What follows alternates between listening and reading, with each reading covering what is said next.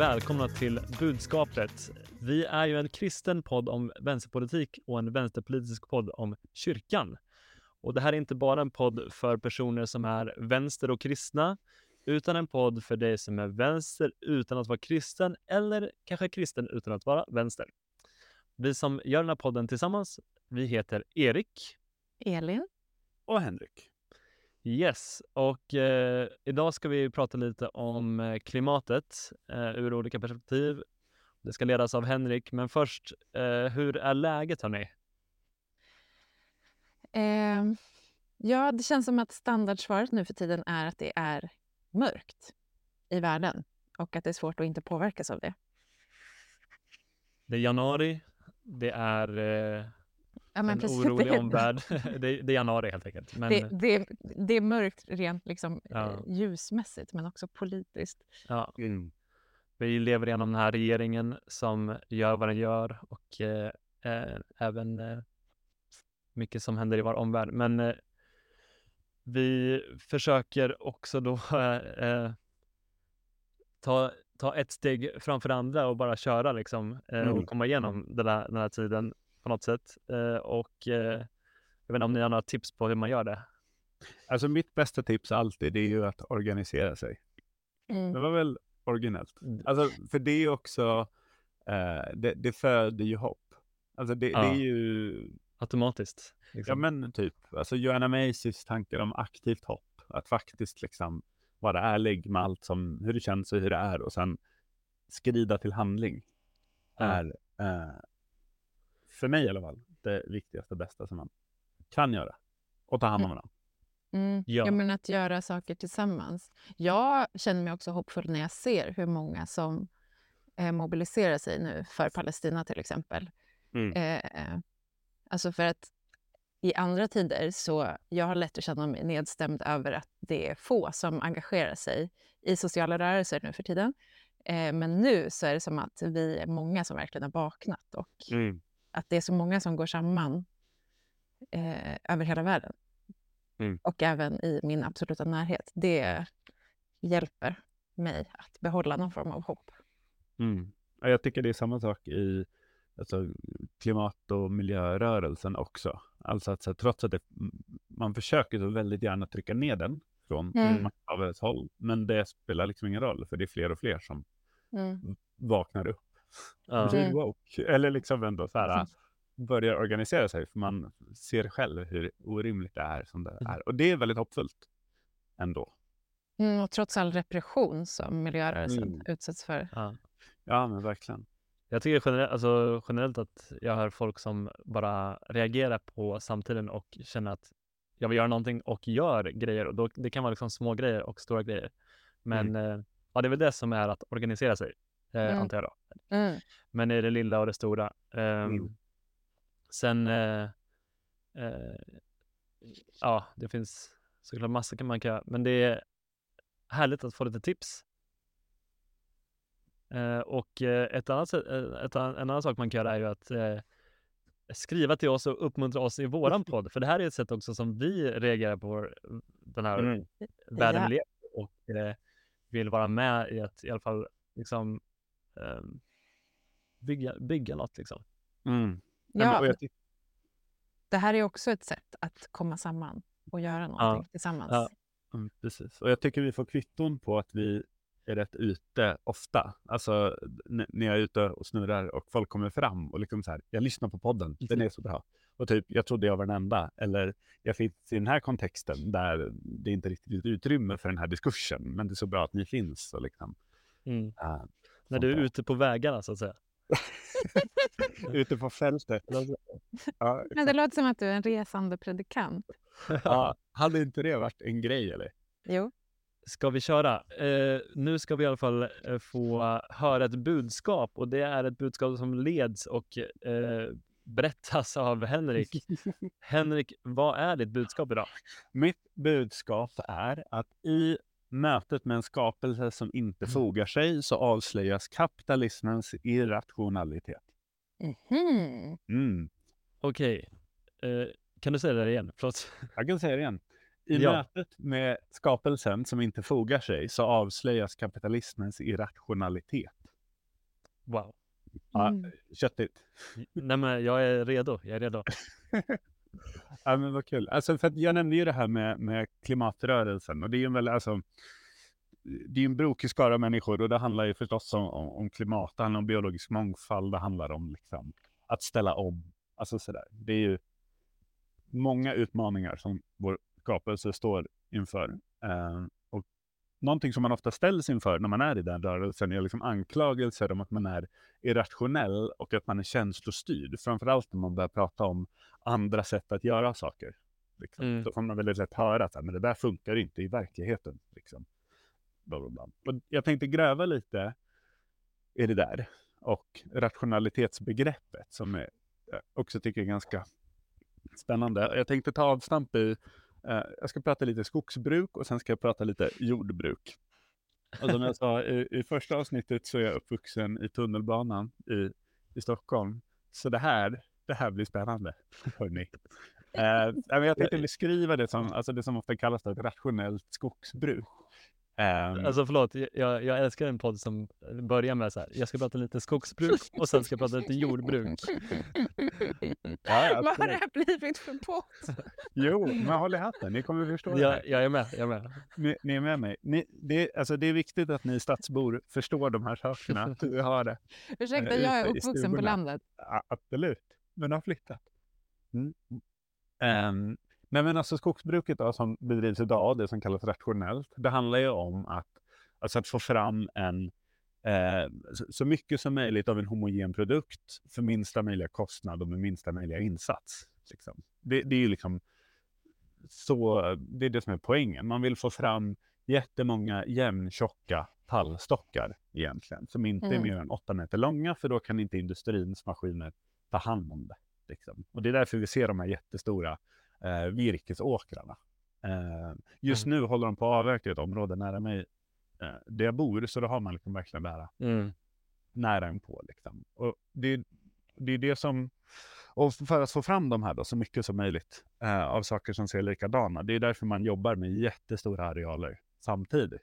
Alltså man kapar allt, sen planterar man de här flera hektarerna samtidigt och sen får de växa i 50, 60, 70 år. Man gallrar lite under tiden och sen kapar man av det igen och igen och igen. Liksom. Och man gör det på vintern för då kan skogsmaskinerna åka in och ta ut så mycket som möjligt. Liksom.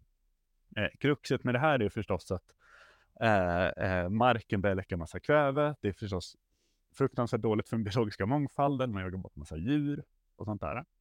Eh, vi vill ju också gärna framhålla i Sverige att vårt skogsbruk är jättebra och vi har väldigt bra eh, lagar och regler kring det här.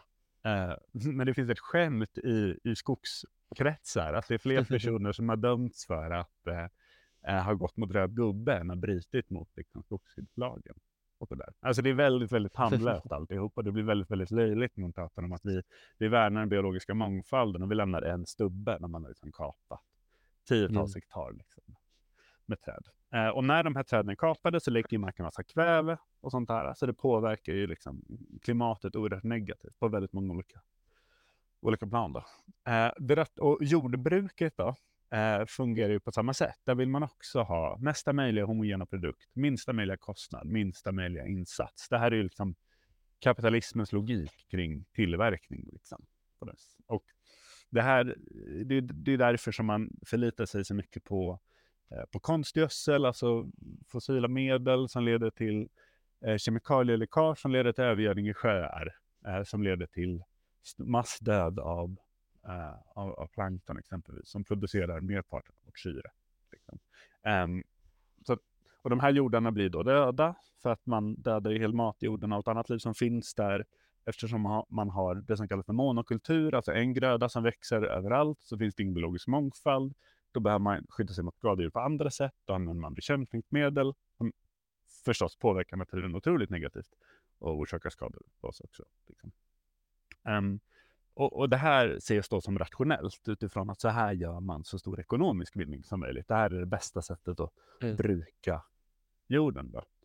Uh, problemet med det här då, att kalla det här för rationellt, som är tydligt nu då, är att konsekvensen av att, att hantera jorden på det här sättet är vår undergång. Att vi alla kommer att dö och civilisationen kommer att gå under. Alltså, um, det, det, är liksom konsekvensen. Hur, hur, hur ogärna vi vill att det ska vara så, så klarar inte jorden av det här helt enkelt. Och det är det vi ser mer och mer av. Och sånt där, när det kommer rapporter och sånt där.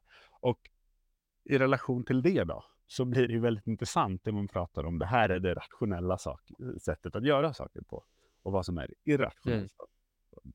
Vad som är vad. Och det blir tydligt att det rationella handlar om liksom en kortsiktig ekonomisk vinst och det är det man kallar rationellt. Och inte rationellt. Och jag tycker också det är intressant med eh, liksom, idén som den liberala demokratin bygger på, eller liberalismen bygger på, att så här, välunderrättade människor kommer fatta rationella mm. beslut som är bra för alla. Det är ju liksom grundansatsen. Jag tycker möjligen att det är svårt att hävda det eh, när man ser typ på skogsbruk och, och, och, jordbruk. Liksom. Och nu märker jag att ni är med lite på varför vi pratar skogsbruk och jordbruk. För här vet ju alla hur det, vart vi är på väg och man förstår att det inte håller. Liksom. Men vi fortsätter ändå. För att så har vi alltid gjort.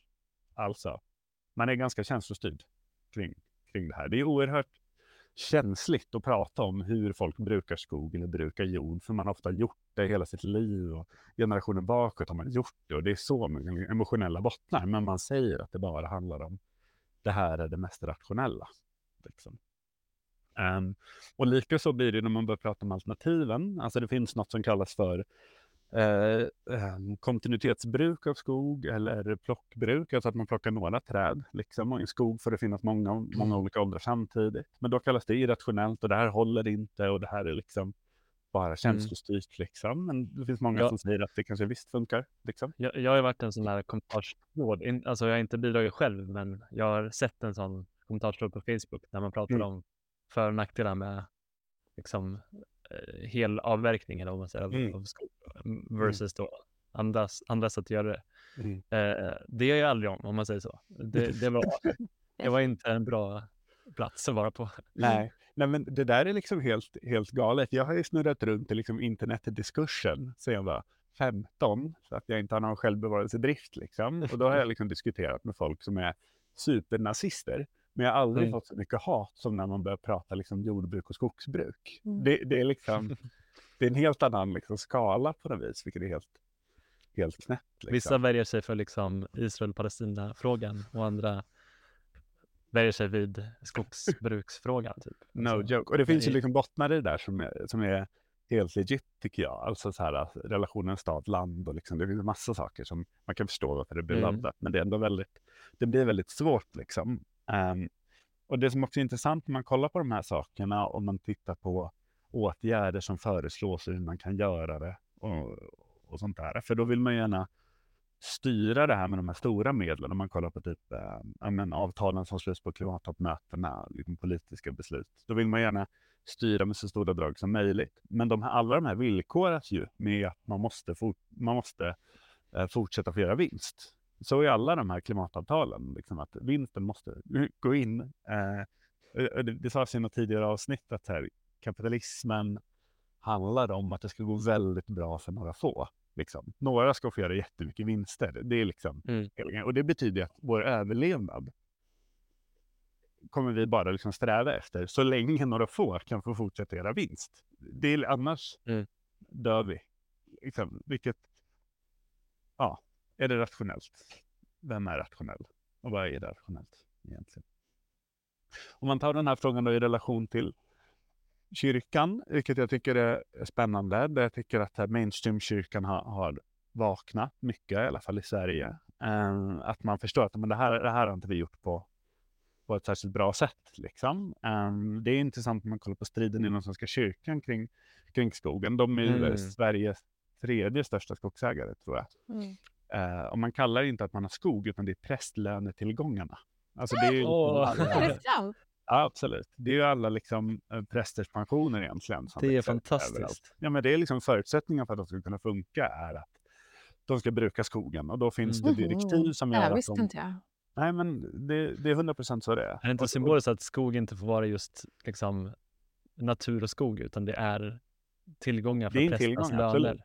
Ja, men, och i de direktiven så står det att här, det här ska brukas liksom marknadsmässigt. Vi ska göra vinst. Det är liksom hela grejen. Så i, i, Mm. i miljöarbetet i Svenska kyrkan, där är skogen inte involverad, utan den är, hanteras på ett Det annat är något sätt. annat. Liksom. Liksom. Mm. men det, det, det blir det. Och det tänker jag är ett uttryck för alltså, hur vi har förhållit oss till skapelsen och till skogen och sånt där. Att det är, det är något annat. Vi är en, det är en överhet. Vi lever utanför den.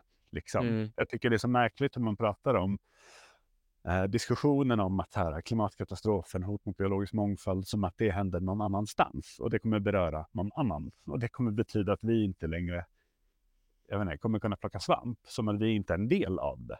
Liksom. Mm. Men vi, vi ryker ju också. Liksom. Och den där kortsiktigheten, jag tänker att alltså, kyrkan har en ganska stor skuld i det, för vi har ofta predikat en distans till det. Alltså, och eh, att det också Um, liksom kyrkans roll i skapelse har handlat mycket om att härska. Det är vad man har pratat om då, det är någonting annat. Liksom. Och i, i, i, I och med upplysningen så predikar man förnuftet, vad det nu är. Liksom. Och då har det skiljs ifrån det kroppsliga, liksom. hur man uppfattar skogen. Det har blivit något hotfullt. Alltså det finns många Mm. bottnar i det. Eh, I kyrkan har pratat och vi har lyft fram och vad som upplevt har varit, har varit hotfullt. Liksom. Ehm, vilket blir ett väldigt stort problem och det är det jag tänker har spett på det här. Men det betyder att vi också skulle kunna göra någonting, någonting annat eh, om vi skulle vilja. Alltså jag tycker det är spännande när man läser tidiga kyrkofäder och mödrar att det är flera av dem som liksom pratar om skapelsen som Guds andra bok. Alltså att det här är, eh, och jag tänker att det visar på Mhm. någonting, relationen, förnuft, texten, det skrivna, resonemangen och sen uppfattningen av Gud, så man kan få någonting annat. Liksom. Mm. Att om man kan ha den relationen till, till skapelsen och till skogen, till jordbruket, till maten, kring marken. Då tror jag att då kommer vi behöva, då börjar vi förhålla oss på ett helt annat sätt. Alltså då kommer Mm. också begreppet rationellt fyllas med någonting helt annat. Alltså det är inte, det är inte rationellt att ta livet av sina barn för att göra vinst. Liksom. Det skulle ingen gå med Mm. på. Men det är liksom de facto det är där vi står idag. Liksom. Um, så jag tänker att om man då återgår till här, vad, vad är rationellt, vad är irrationellt och så vidare. Så tänker jag att det blir tydligt att vi kan inte låta eh, det vara liksom en kapitalistisk definition av rationellt, att det handlar om att göra så mycket vinst som möjligt som får vara det rådande, utan vi behöver fylla begreppet rationellt med någonting helt annat. Eh, och där tänker jag kyrkan har ett ganska ett stort jobb att göra, för vi kan prata om saker på ett helt annat sätt. Liksom. Ehm, vi har liksom mandatet att prata om skapelsen som Mm. något annat än en, en vinstmaskin som är det enda sättet som ett kapitalistiskt samhälle egentligen kan förhålla sig till det. Mm. Det man inte kan göra vinst på är inte heller intressant och har inget existensberättigande. Ehm, så vägrade gå med på vad kapitalismen definierar som rationalitet i relation till skapelsen. Gör något annat. Gå ut, ta djupa andetag i skogen, våga känna att du är en del av naturen. Bli arg och organisera dig. Det är Mm. mitt kärnfulla budskap idag. Ja, Mm. Tack Henrik. tack Ja. Henrik. Ta- tusen tack. Ja, varsågoda. Eh, eh, men, men du nämnde lite det här med att kyrkan till viss del svarar lite på det här. Eh, kan, du, eh, alltså, kan du informera eller liksom, kan du berätta lite om vad frikyrkan till exempel, finns det några liksom, intressanta exempel för någon som inte är eh, liksom, inkopplade? Ja, men det, alltså det, finns, det finns väldigt intressanta exempel där man tittar på just så här, för kyrkan i Sverige har en funktion där vi liksom ofta tar emot arv. Att här, hur ska vi förhålla oss till de här egentligen? Vad är det vi ska göra Mm. egentligen? Eh, och där Svenska kyrkan också har börjat avsätta områden för att bli naturskyddsområden och liksom sånt där, vilket är, är spännande. Det är, eh, från min horisont flera församlingar som är så här, men vi har brukat den här skogen nu ganska länge och vi har fått det till oss, men vi måste göra på ett annat sätt. Liksom. Alltså det ska vi ju i folk. Jag tror inte man kan vara på ett kalhygge och känna det här är nice. liksom, utan då ser man ju hur, hur, det, hur det rör sig åt ett helt annat håll. Jag tycker man kan se på hur, hur Svenska kyrkans liksom, biskopar pratar också. Alltså, de är ju bland de mest radikala rösterna i Sverige idag.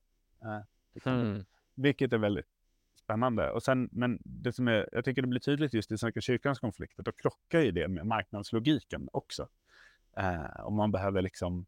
Ja, för, för de står ju också i en extremt svår ekonomisk position, att de har jättestora, alltså jättemycket fastigheter, mm. eh, färre medlemmar.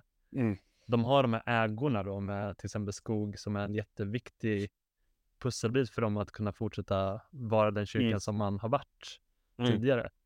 Så att jag förstår ju att det är, alltså ur ett sån, sån kalkylperspektiv mm. så måste det här vara en jättesvår fråga då. Liksom. Ja, men, alltså både och. För det, det, finns ju möjlighet med så här kontinuitetsjord eh, skogsbruk. Liksom. Vi, vi är inte en skogsbrukspodd så vi ska inte gräva för mycket i det. Men, men, man kan jobba på ett annat sätt. Det tar lite tid att ställa om. Ett så här, Kristen skogsbrukspodd.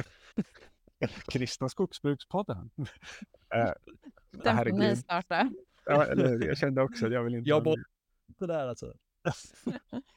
men, alltså. Det tar tid att ställa om ett konventionellt skogsbruk, men det är ju möjligt. Det går ju att göra. Ja, så jag som har gått djupt i de här samtalen, det är ofta mm. det man landar i, så här, ja, men det här är lite krångligt.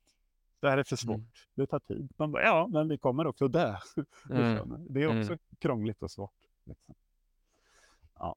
Så det, det rör ju på sig och det går åt rätt håll tycker jag, men jag tycker inte att man får liksom ge sig heller. Och det är mm. väldigt lätt hänt om man inte är alert att man ändå börjar agera efter någon slags marknadslogik. Att det fortfarande är priset man liksom ska äh, mm. stånga sig mot till slut. Liksom.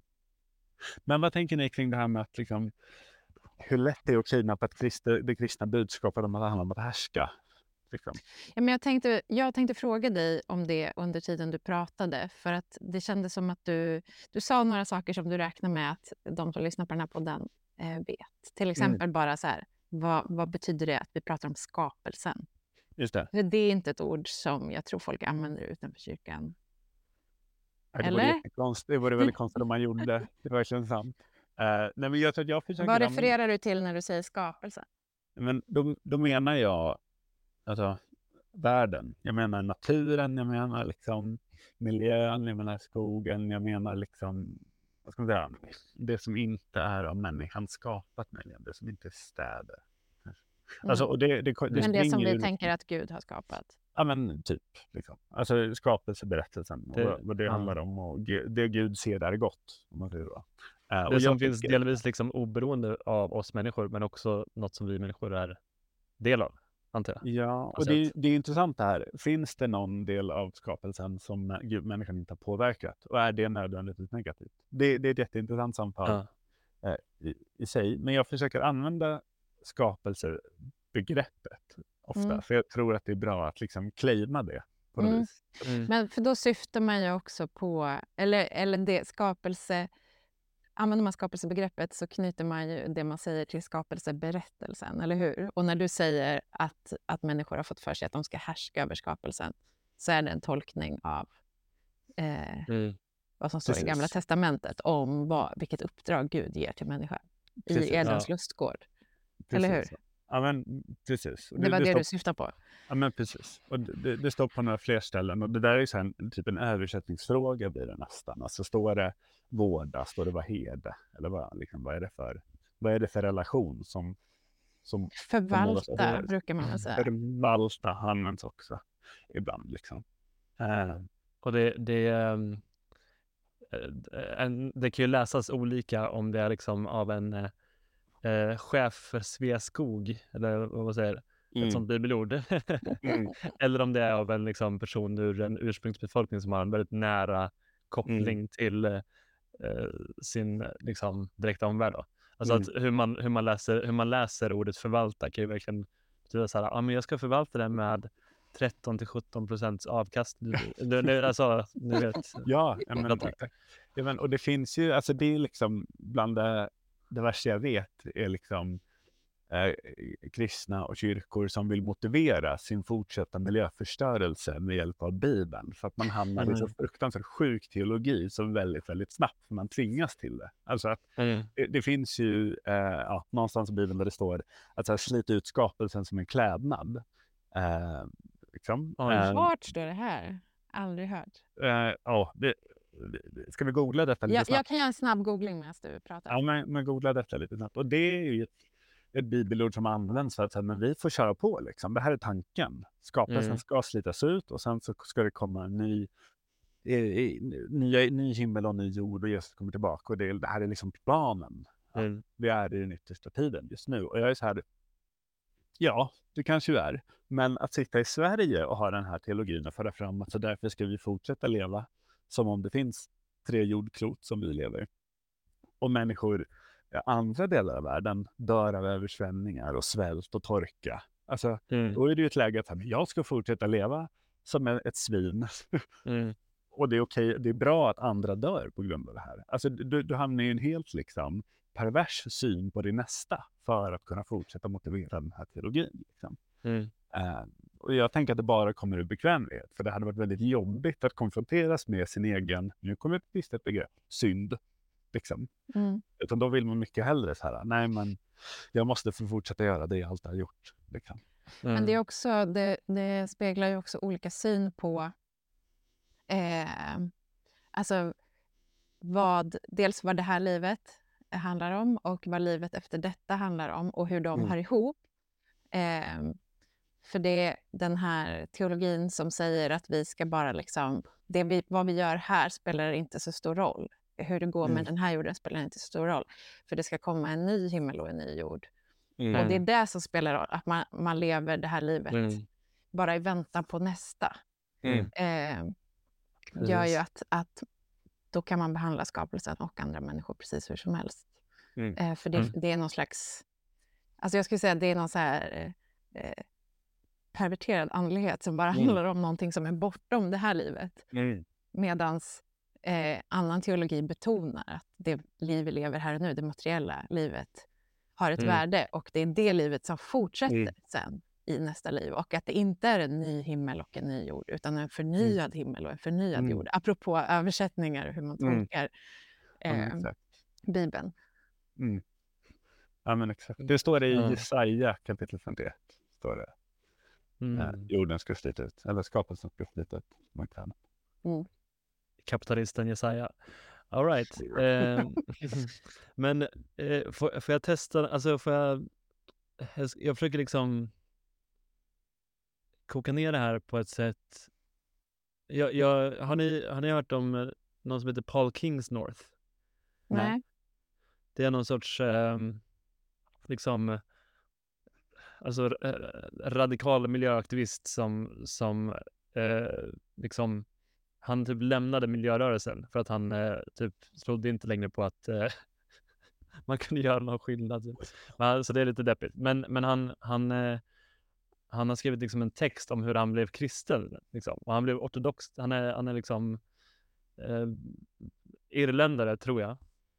Men han, eh, han gjorde en lång resa med att han liksom var först så här fullblodsateist liksom. Och sen så landade han till slut eh, i att han bara, ja men jag måste nog bli, eh, eller han blev bara ortodox kristen. Han liksom snubblade in där bara. Efter att ha eh, liksom experimenterat med liksom zen-buddhism och eh, olika liksom, naturreligioner och allting så här. Eh, men han, eh, han pratade liksom om hur han, alltså han, han såg att en stor del av varför han blev kristen var liksom att han trodde att, eller han tänkte så här att det, det hans kristna tro sen gjorde var liksom att skapa nå- någon sorts förståelse för att vi människor måste återskapa en relation till, till Gud. Delvis då ge- genom att återskapa en relation till skapelsen. Mm. Och att allting som har hänt eh, sen industrialiseringen har, har liksom kapat av vår relation till, till eh, liksom rent av liksom våra rötter, våra kulturella rötter, våra relationer med varandra, våra relationer med naturen. Eh, och också vår liksom, relation med konceptet begränsningar. Liksom. Och, att, och att det är liksom eh, att, att vara kristen är att försöka liksom på något sätt återrelatera till alla de, alla de aspekterna.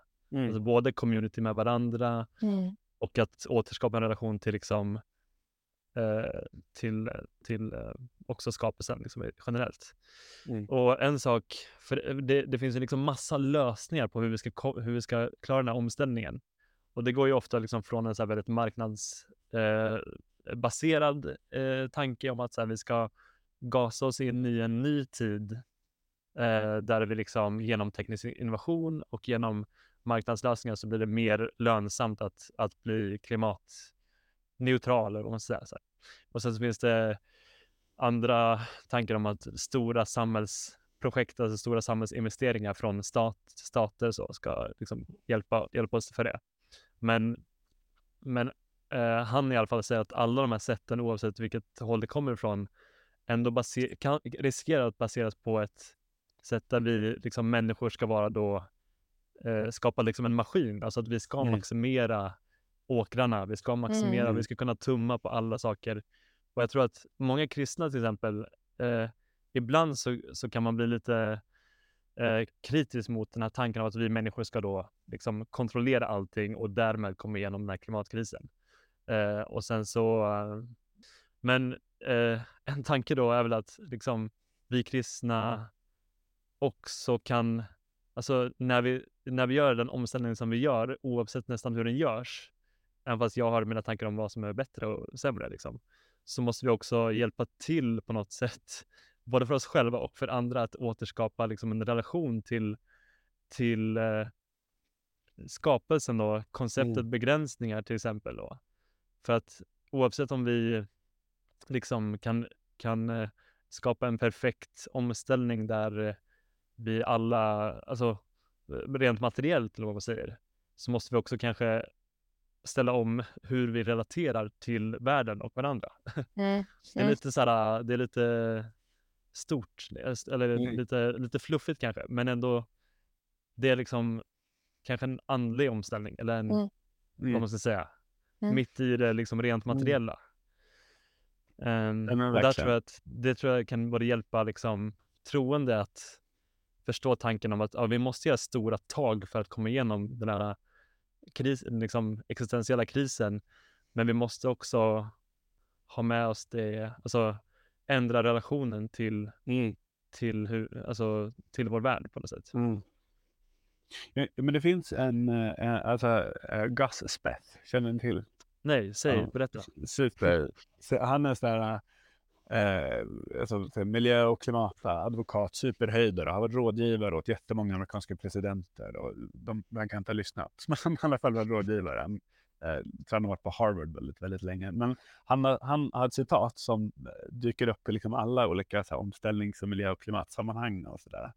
Uh, där han säger att I, I used to think that the top environmental problems were bio, biodiversity loss, ecosystem collapse and climate change. Alltså förlust av biologisk mångfald, att ekosystem kollapsar, klimatförändring. I thought that 30 years of good science could address these problems. I was wrong.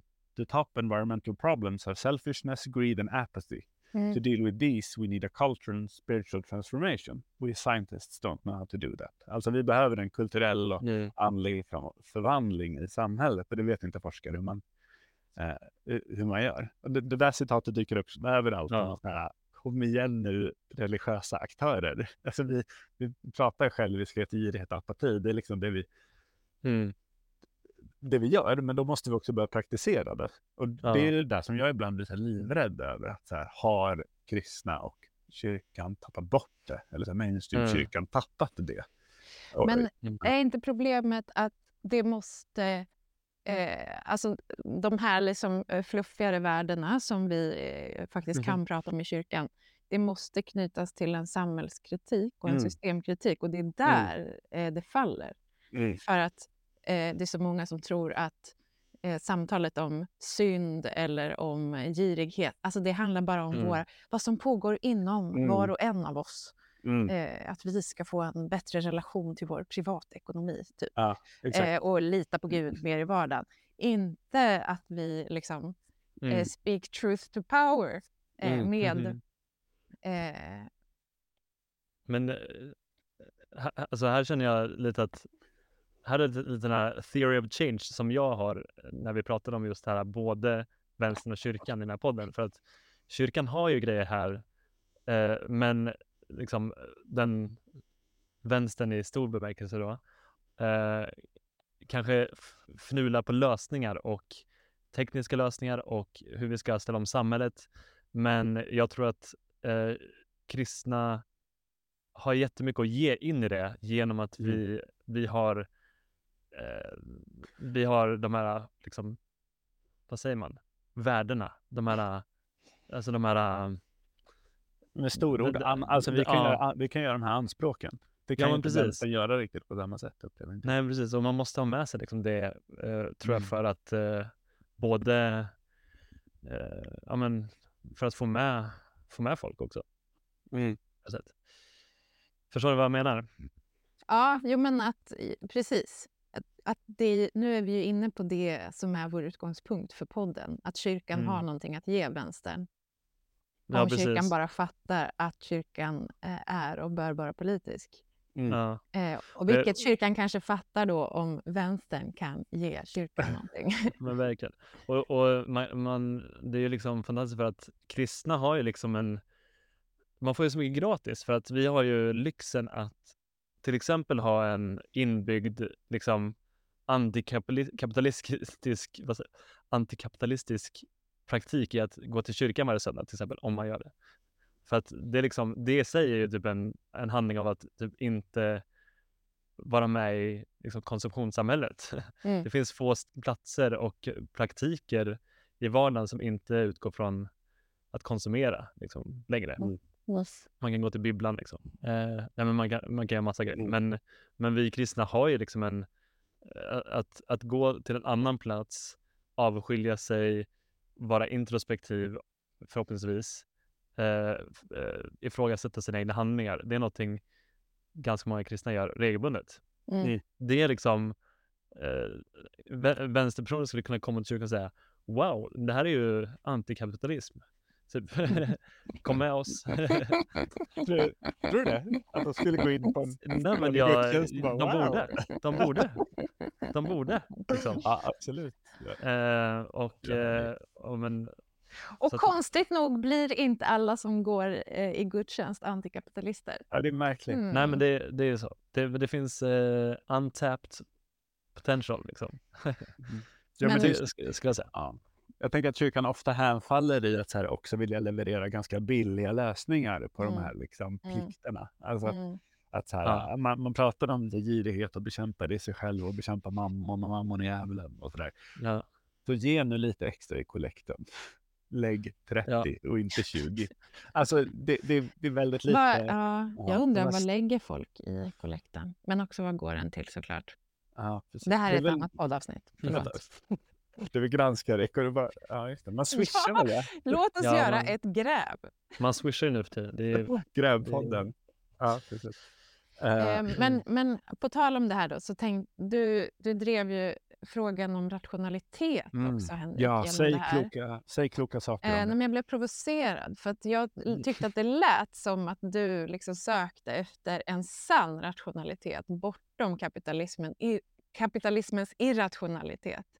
Eh, och jag ställer mig frågande till om det är mer rationalitet vi behöver och, och liksom mer sann rationalitet. För nu är vi inne på att frågan om eh, jordens överlevnad också är en andlig och social fråga och andlighet eh, och sociala relationer är liksom inte nödvändigtvis rationella utan bygger på andra logiker. Mm. Jag tror att det, det jag försöker lyfta och påpeka är att begreppet rationalitet som det används idag och i relation till de här utmaningarna är ett begrepp som liksom underförstått handlar om att vi måste också göra vinst. Liksom. Mm, Så mm, att mm, det så här, vi måste ta det begreppet, vi måste kidnappa det, vi måste använda det på, på Mm. helt andra sätt. Liksom. Ehm, Och så visa nu- på att de som säger att de är rationella och sätter rationaliteten väldigt högt inte lever upp till sina egna Ja, men eh, ungefär så. Mm. sin egen standard Ja, men- inte är rationella enligt sin egen definition. Nej men exakt, för det är där jag tänker alltså att den här alltså andliga upplevelsen man kan göra i naturen. Jag tror att det kan förstärkas av liksom, ska man säga, rationell kunskap. Jag har en vän som är biolog. Hon är en av de visaste jag vet som sa att så här, vi är ju inte längre du med, med eh, naturen. Alltså hon kan liksom det, de latinska namnen på allt. Liksom. Och för henne så här, det förstärker min relation för att jag är du med de här som finns runt omkring. Så det är jättemycket liksom akademisk kunskap, men det leder till en större liksom, andlig relation och spirituell relation till, till, till naturen. Och den relationen är ju inte liksom rationell. Det handlar inte om att så här, ah, jag får det här Mm. i utbyte och de får det här i utbyte. Liksom. Eh, Men det är ju så länge vi använder rationalitetsbegreppet som liksom ett utbyte av tjänster där man går med vinst på något vis. Liksom. För det är fortfarande Mm. mm. mycket bättre av det. Av, Mm. eh, av så det är Ja, mer men liksom, som jag tänker kring rationalitet är ju att det är liksom, man ska kunna mäta saker och det ska finnas en, en bevis, eh, det ska kunna gå att bevisa hur saker förhåller sig och det Just ska det. finnas sanning. Eh, peka på någon nytta. Typ. Alltså, jag tänker lite, det kanske är lite så här politisk kommunikation mer, alltså att man vill, man vill återta ett begrepp och motbevisa det. Alltså att du, ja, du tror att det här är rationellt, det är inte rationellt. Du, du är irrat, alltså man, mer att man vill reclaima då mm. rationalitetsbegreppet kanske. Eh, Ja, men så- men, så jag. Ja, men jag, jag, jag, jag tänkte när du pratade om rationalitet, jag tänkte på eh, liksom ordet materialism. För att eh, det, som det används nu, eh, materialism är ju, vi lever i en tid som egentligen är liksom någon sorts antimaterialism för att vi, vi köper en produkt och det vi köper är egentligen känslan av produkten ofta, Mm, mm. eller liksom identiteten som kopplas till produkten Mm. eh, istället för dess liksom faktiska fysiska funktion till exempel. Mm. Eh, och eh, liksom jag önskar att vi vore materialister för då hade vi faktiskt tagit en produkt för vad den var istället för, att, för vad vi känner att den är och för Mm. vilken status den, den bygger i vårt samhälle. Mm. Så det är lite den, den känslan kanske att man, eh, jag önskar att den rationaliteten som du pratar om Henrik var rationalitet. Eh, men, eh, Mm. men det är ju inte det. Just det, och, och att det eh, var den rationaliteten som hölls högt. Ja, precis. Ja, liksom vad man värderar, det vad man liksom... Mm. Så att det är så här, oh, I wish, I wish. Mm. Henrik, du, du som har eh, dragit den här eh, liksom rundan om, om klimatfrågan och om vår relation till naturen och sådär. Har du någon liksom, slutkläm, någon medskick till oss? Och är den också, om, om du vill också avrunda eller ge någon, någon avslutande känsla av var vi har landat? Eh, jo, men det jag, vill, det jag vill skicka med då är att eh, det finns ju liksom det här är ett helt nytt avsnitt, men om man börjar prata om liksom skuld som finns liksom, och hur mycket, många olika instanser det är som vill påföra skuld hur vi lever och vem som bär skulden för liksom, klimatkaoset som vi, som vi är i, så finns det ju också väldigt många åsikter om så här, så nu måste du börja göra det här. Alltså ett individualist, individu, individualistiskt samhälle ger också lösningarna på samhällsproblem, försöker få ner det Mm. på någon slags individnivå. Eh, Mm. Så det är därför det är så här, lägg om kosten på det här sättet, sluta göra det här, börja göra det här. Och liksom, sånt där. Men, men det absolut viktigaste man kan göra, det bästa man kan göra för klimatet, det är ju att organisera sig. Det är att gå med i någonting. Liksom. Mm. Sluta vara rädd för Extinction Rebellion eller Rebellmammorna eller Återställ våtmarken eller någonting. Gå på ett Mm. möte, träffa dem. Det är väldigt vanliga människor. Eh, ja, alltså, jag har snurrat runt lite där och det är ett sånt liksom bredd av samhället som finns inom de här rörelserna. Du kommer inte känna dig utanför, du kommer känna dig inkluderad. Organisera dig, engagera dig. Det är det, liksom, det enskilt viktiga, viktigaste vi kan göra för, liksom, Mm. för samhället och skapelsen och naturen. Eh, det är mitt medskick. Upp till kamp. Det var väl första gången i vänstersammanhang man använde det. ja, men det, det är liksom eh, organisera dig upp till här. Det är vänsterord, men du sa träffa dem, träffa andra människor, gör något. Mm. Det är liksom, Och också, eh, vi i början av året, just nu, odlingssäsongen håller på att dra igång. Plantera någonting. Alltså att plantera är också en antikapitalistisk handling. Gör det själv försök försörja dig, eller liksom odla din egen mat. Förklara dig illojal mot liksom, Mm. På tal om att skaffa en annan, en annan relation till en annan någonting som vi kom, kons, konsumerar. Liksom. Yes. Elin, har du något sista medskick också? Nej, eller, men jag tänker, eller take eh, away? Liksom? Ja, men eh, f- för att haka i det du sa Henrik, jag håller med dig, men också odla tillsammans. Mm. Eh, köp mat som andra har odlat. Men jag tänker eftersom vi pratar in i kyrkan i den här podden Mm. så, så eh, tänker jag ett sätt att komma ifrån det här individualistiska eh, perspektivet på hur vi, vi själva kan eh, bidra till förändring eh, så skulle man kunna uppmana församlingar att, eller, eller församlingsmedlemmar att prata ihop sig och gå tillsammans på ett möte som man tycker är läskigt att gå på. Mm. Eller upplåta sina lokaler åt eh, rörelser Ja. som eh, behöver hålla till och ha sina möten någonstans.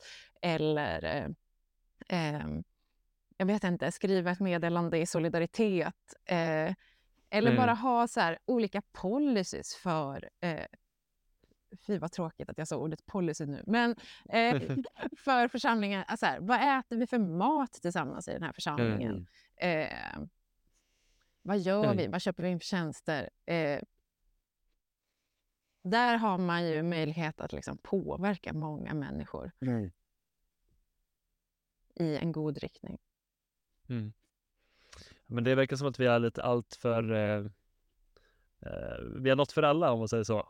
Eh, för eh, den som vill skriva lite policies. Det finns.